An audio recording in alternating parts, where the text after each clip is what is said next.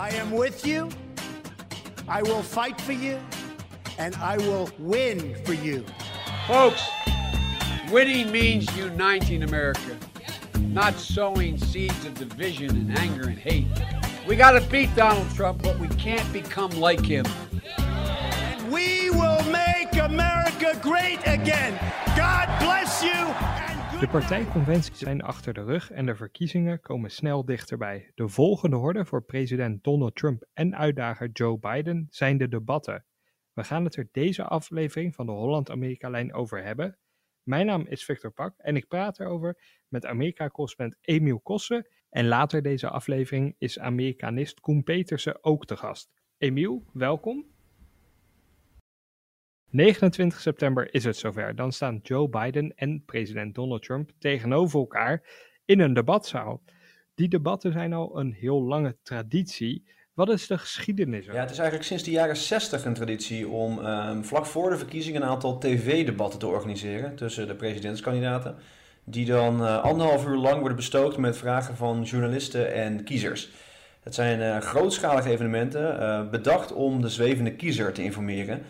En um, ja, natuurlijk een goede kans voor, uh, voor de kandidaten om, uh, om die kiezers te overtuigen om op jou te stemmen. Het heeft vaak memorabele momenten opgeleverd, um, die nog lang in het geheugen blijven zitten. Uh, ongeveer het meest vertelde verhaal is van de eerste keer dat er een tv-debat was, in 1960. Um, tussen de mediagenieke John F. Kennedy en Richard Nixon, die juist puffend en zwetend op televisie verscheen. En uh, ja, na het debat gaven tv-kijkers JFK het, uh, het betere rapportcijfer, terwijl radioluisteraars uh, Nixon juist overtuigend vonden. Dat was toen. Um, de debatten zijn nog nooit gehouden terwijl er een wereldwijde pandemie gaande was. Hoe zien de debatten er deze keer uit te midden van het coronavirus? Nou, het is al heel wat dat de debatten in ieder geval gewoon doorgaan, ondanks dat coronavirus. Um, er zijn drie debatten gepland tussen Trump en Biden en er eentje tussen de, de running mates. Dat zijn vicepresident Mike Pence en senator Kamala Harris. Um, het eerste debat is op 29 september en dat ziet er waarschijnlijk wel iets anders uit dan voorheen. Uh, we weten bijvoorbeeld nog niet of er een beetje publiek bij mag zijn of helemaal niemand. Um, en eigenlijk officieel weten we nog niet eens of de twee presidentskandidaten met elkaar op een podium mogen staan. Um, nou ja, dat laatste zal waarschijnlijk wel zo zijn, maar ja, de commissie die die debat organiseert heeft er nog niks over naar buiten gebracht. Uh, wat we wel weten is wie de debatleider is uh, bij dat eerste debat. Dat is Chris Wallace, presentator van Fox News. En daar heeft uh, Donald Trump nog een appeltje mee te schillen naar een, een, een, zeer kritisch interview in de zomer. Om als journalist uitverkozen te worden om het presidentiële debat te leiden, dat is altijd echt een hele eer. Hè? Ja, het idee is een beetje dat echt de crème de la crème van de Amerikaanse journalisten zo'n debat mogen leiden. Um, er is altijd een hoop om te doen uh, bij de kandidaten die, uh, die proberen uh, presentatoren voor te stellen waarvan zij denken dat die hun kamp kunnen helpen. Um, nou ja, de onafhankelijke commissie kiest eigenlijk altijd voor andere journalisten, die gaan niet in op die suggesties. En deze keer is het dus Chris Wallace en dat is, ja, dat is saillant. Dat is een man van Fox News, dus je zou denken dat is een, een, een, een conservatieve stem, maar hij heeft juist het programma op Fox News waar ja, de journalistieke waarden hoog in het vaandel staan. En wat ik net zei... Hij is een van de enigen die, uh, die het voor elkaar kreeg om in een interview met Trump echt onder zijn huid te zitten. Um, hem zeer kritisch be, uh, bevroeg.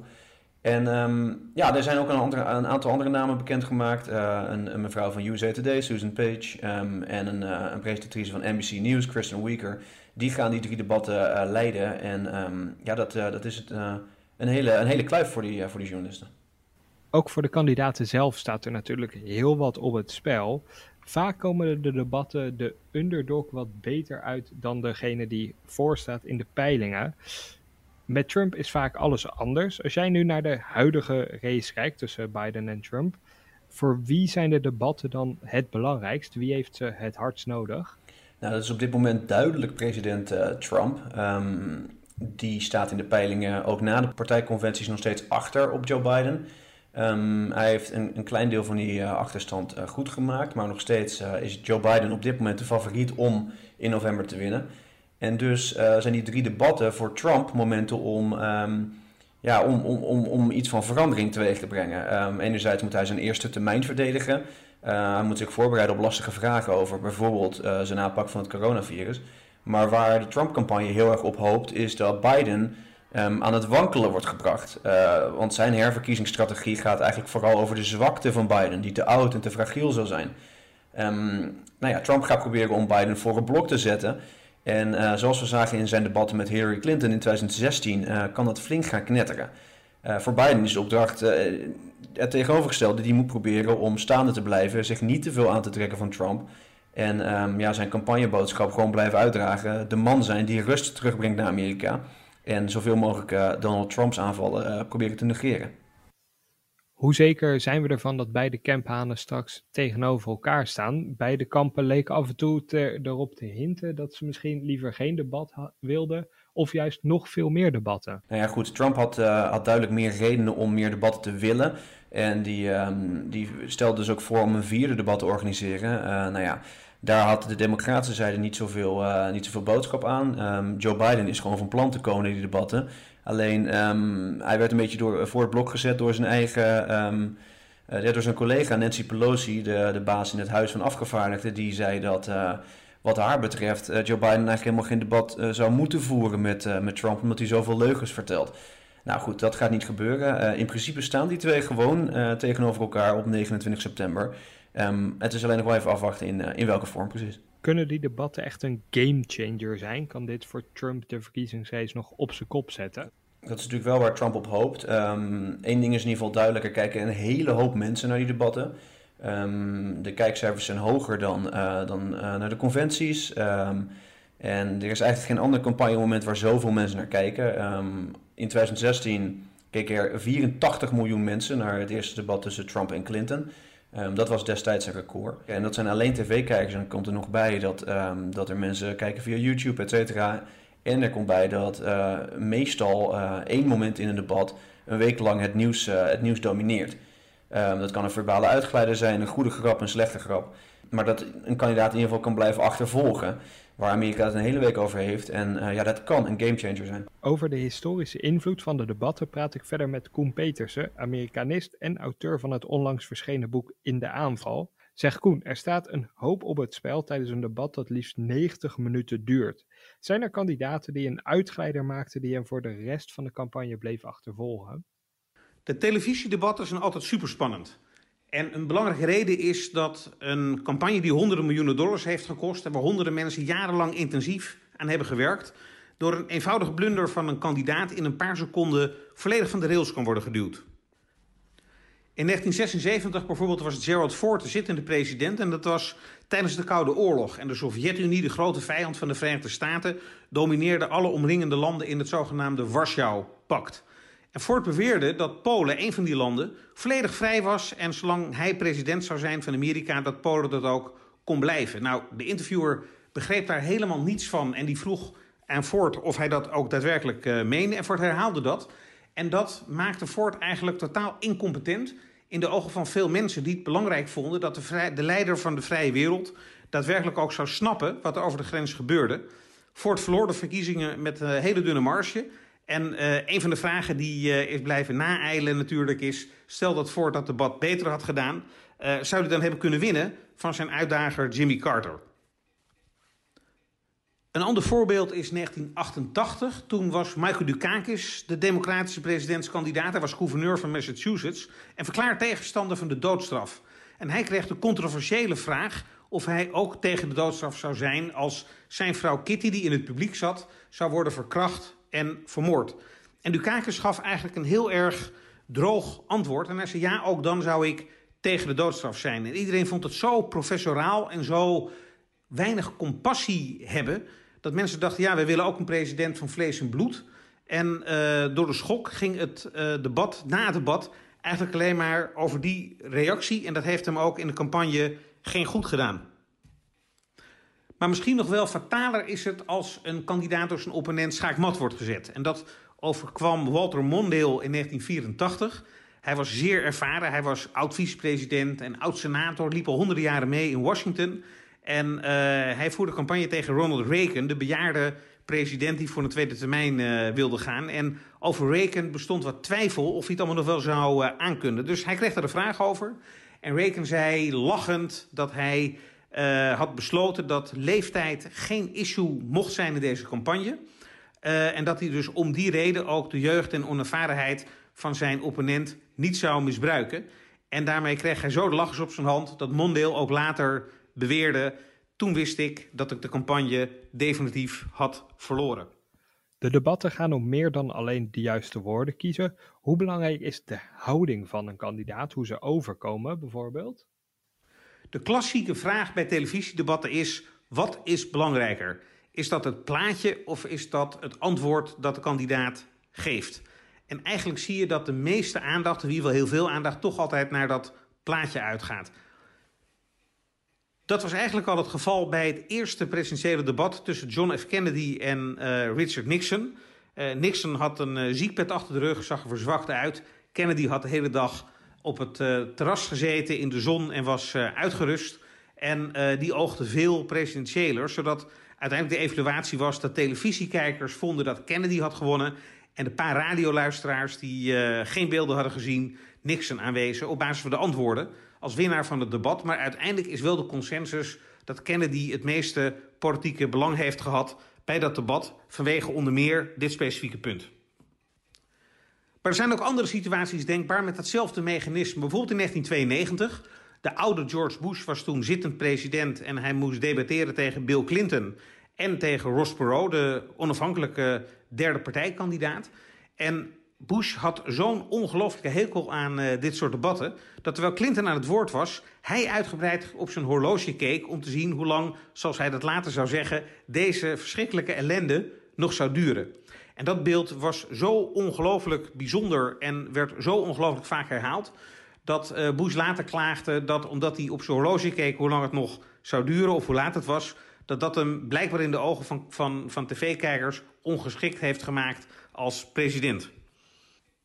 Het meest recente voorbeeld is natuurlijk het debat tussen Hillary Clinton en uh, Donald Trump. Hillary Clinton was toch in de ogen van veel mensen de bedweter uit het establishment. En ze had op elke vraag een gedetailleerd antwoord en deed nogal denigrerend richting uh, Trump, die in wat grotere verhalen sprak.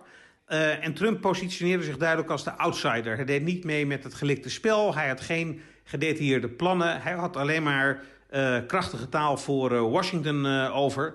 En dat straalde hij ook uit. En veel mensen zeiden ja, hij heeft het debat verloren, want Clinton had eigenlijk veel betere antwoorden.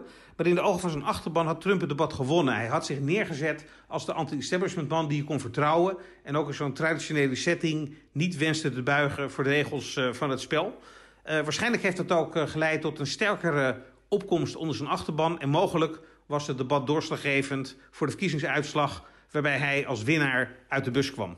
Hoe belangrijk is het om de waarheid te vertellen in zo'n debat? En hoe denk je dat een kandidaat als Donald Trump valt te fact-checken? De grote vraag in eh, deze tijd is natuurlijk: hoe komen kandidaten nog weg met een leugentje of erger nog met onwaarheden die ze vertellen? Uh, vroeger, in uh, de oude tijd, om het zo maar te zeggen, was het natuurlijk ook niet ongebruikelijk dat kandidaten de realiteit een beetje naar eigen smaak interpreteerden. En als er dan debat over ontstond, dan hadden na het debat supporters van die kandidaten, dat werden spindokters genoemd, de gelegenheid om uh, de performance van hun kandidaat in de juiste, meest gunstige context te plaatsen. Die spindokters die stonden dan ook in een zaaltje, dat werd Spin Alley genoemd. En na het debat gingen onmiddellijk alle camera's daarheen om te horen wat die mensen, vaak partijprominenten, van het debat hadden gevonden met alle voorspelbare antwoorden van, uh, van dien. Eigenlijk zag je in 2012 al een belangrijke kentering, namelijk dat de reacties op internet live tijdens het debat, real-time, veel belangrijker waren dan wat die spindokters vertelden. Want dat was een handvol zorgvuldig geselecteerde uh, aanhangers van elke kandidaat. Terwijl op internet natuurlijk Jan en alle man zich manifesteert. En ook sommige mensen die er echt verstand van hebben en niet per se aan een kandidaat uh, gebonden zijn. Dus de waarheid wordt eigenlijk altijd opgedrongen in uh, social media tijdens het debat en daarna ook weer met de interpretatie van wat er allemaal aan oogsten binnenkomt. Uh, en de spindokters zijn eigenlijk een uitgestorven fenomeen die tientallen jaren hun werk hebben gedaan, maar eigenlijk sinds 2012 geen enkele rol van betekenis meer spelen. En dat gaat voor Trump ook interessant zijn, omdat hij natuurlijk bekend staat als kandidaat die soms met de waarheid een uh, loopje neemt. Uh, hij zal ongetwijfeld door veel opponenten terecht worden gewezen via social media tijdens het debat. De vraag is uiteindelijk wel of dat nadelig voor hem uitpakt. Omdat zijn supporters eigenlijk al die wijsneuzen die social media gebruiken om hun mening te geven over Trump totaal niet vertrouwen. En misschien kan het wel de paradox zijn dat uh, Trump, hoe meer weerstand hij oproept, des te meer enthousiasme hij onder zijn achterban kan opwekken.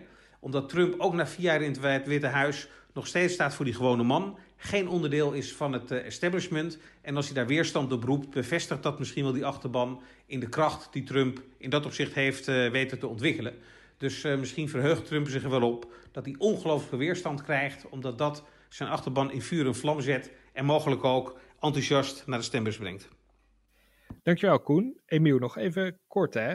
Hoe weten we nou eigenlijk wie, wie een debat gaat winnen, wie de winnaar wordt?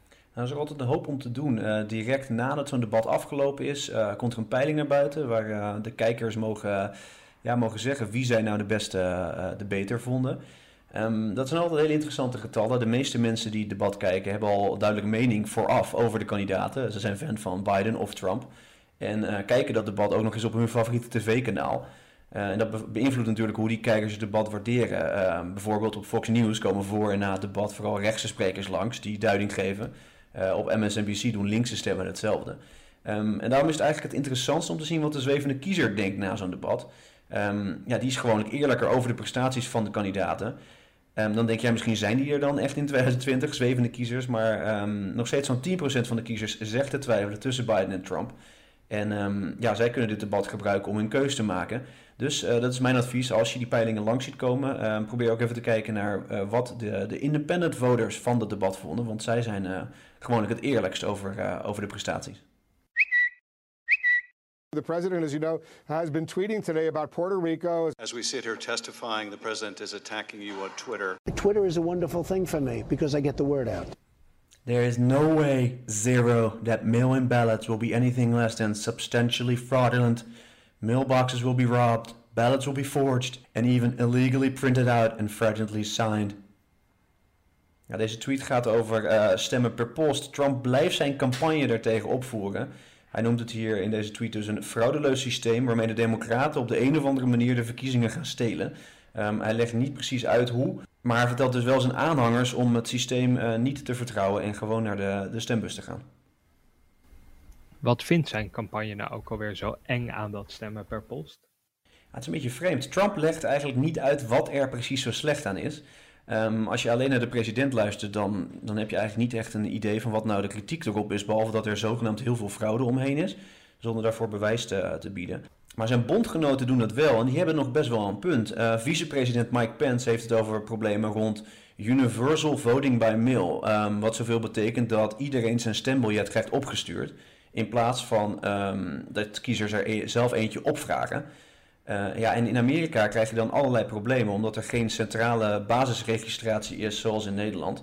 Um, dus de Amerikaanse overheid heeft um, geen gegevens, geen betrouwbare gegevens over waar je woont, et cetera. Um, Trump maakt dat onderscheid niet en heeft het gewoon over uh, stemmen per post. Wat een systeem is dat al een hele lange tijd wordt gebruikt en als veilig wordt gezien. Um, dat is dus het geval dat je zelf een, uh, een, een stembiljet opvraagt, uh, dat ondertekent en opstuurt. Dat gebruikt hij zelf ook uh, om zijn stem uit te brengen, al meerdere keren. En dat gaat elke keer goed. Maar binnen zijn partij is ook wel wat oneenigheid erover. Kevin McCarthy, de belangrijkste republikein in het Huis van Afgevaardigden, die waarschuwde Trump dat zijn war on mail could screw the GOP. Dat zijn wel felle woorden, toch? Ja, het is ook heel erg de vraag. Um, als jij zegt dat um, jouw kiezers niet per post moeten gaan stemmen, of dat nou echt uh, ja, uiteindelijk uh, meer of minder stemmen oplevert. Want er zijn ongetwijfeld mensen die ja, echt niet naar een stembus willen door het coronavirus. En um, ja, op die manier uh, schrik je dus je eigen kiezers af. Dat is waar Kevin McCarthy bang voor is. Een ander concreet effect dat deze campagne nu heeft, is dat van de 40% van Amerikanen die zegt dat ze willen stemmen per post, het er logischerwijs veel meer democratische kiezers zijn en veel minder republikeinen. Waarom willen democraten eigenlijk dat zoveel mensen per post stemmen? Nou, in beginsel was natuurlijk heel veel angst voor het coronavirus. En um, ja, zaten mensen thuis, mochten mensen vrijwel niks doen. Um, en zeker oudere mensen die, uh, die zeer kwetsbaar zijn, daarvan wordt gedacht, uh, die, die moeten niet naar een stembus. Um, maar er zijn steeds meer twijfels over binnen de Democratische Partij of het nou wel slim is om iedereen ja, te stimuleren om uh, te stemmen per post. Want uh, ja, in feite zijn mensen in grote delen van het land gewoon weer buiten. Zitten ze in restaurants, gaan ze naar supermarkten. Hoe groot is het risico dan om, om ergens een half uurtje in de rij te staan om een stem uit te brengen? Ehm, dat risico is waarschijnlijk voor veruit de meeste mensen verwaarloosbaar. En als mensen ehm, gewoon naar de stembus gaan, ehm, krijgen we dus ook veel minder issues, veel minder kwesties wat betreft uh, wachten op een uitslag en wat betreft uh, mogelijke uh, fraudegevoelige momenten. En dus zijn er steeds meer democraten die nu zeggen: waarom hebben we geen campagne om mensen gewoon naar de stembus te krijgen, zoals in een normale verkiezing? Maakt dat veel uit dan? Nou, politieke analisten maken zich zorgen over wat dat zal betekenen voor hoe de uitslag er echt stap voor stap gaat uitzien. Um, er wordt nu gepraat over de Red Mirage, de rode Fata Morgana. Um, heel veel republikeinen gaan stemmen bij een, uh, bij een stemlokaal. En die stemmen worden eerder geteld dan die stemmen per post. Want die mogen ook uh, op de dag zelf binnenkomen en dus een paar, later, uh, paar dagen later worden ge, geteld.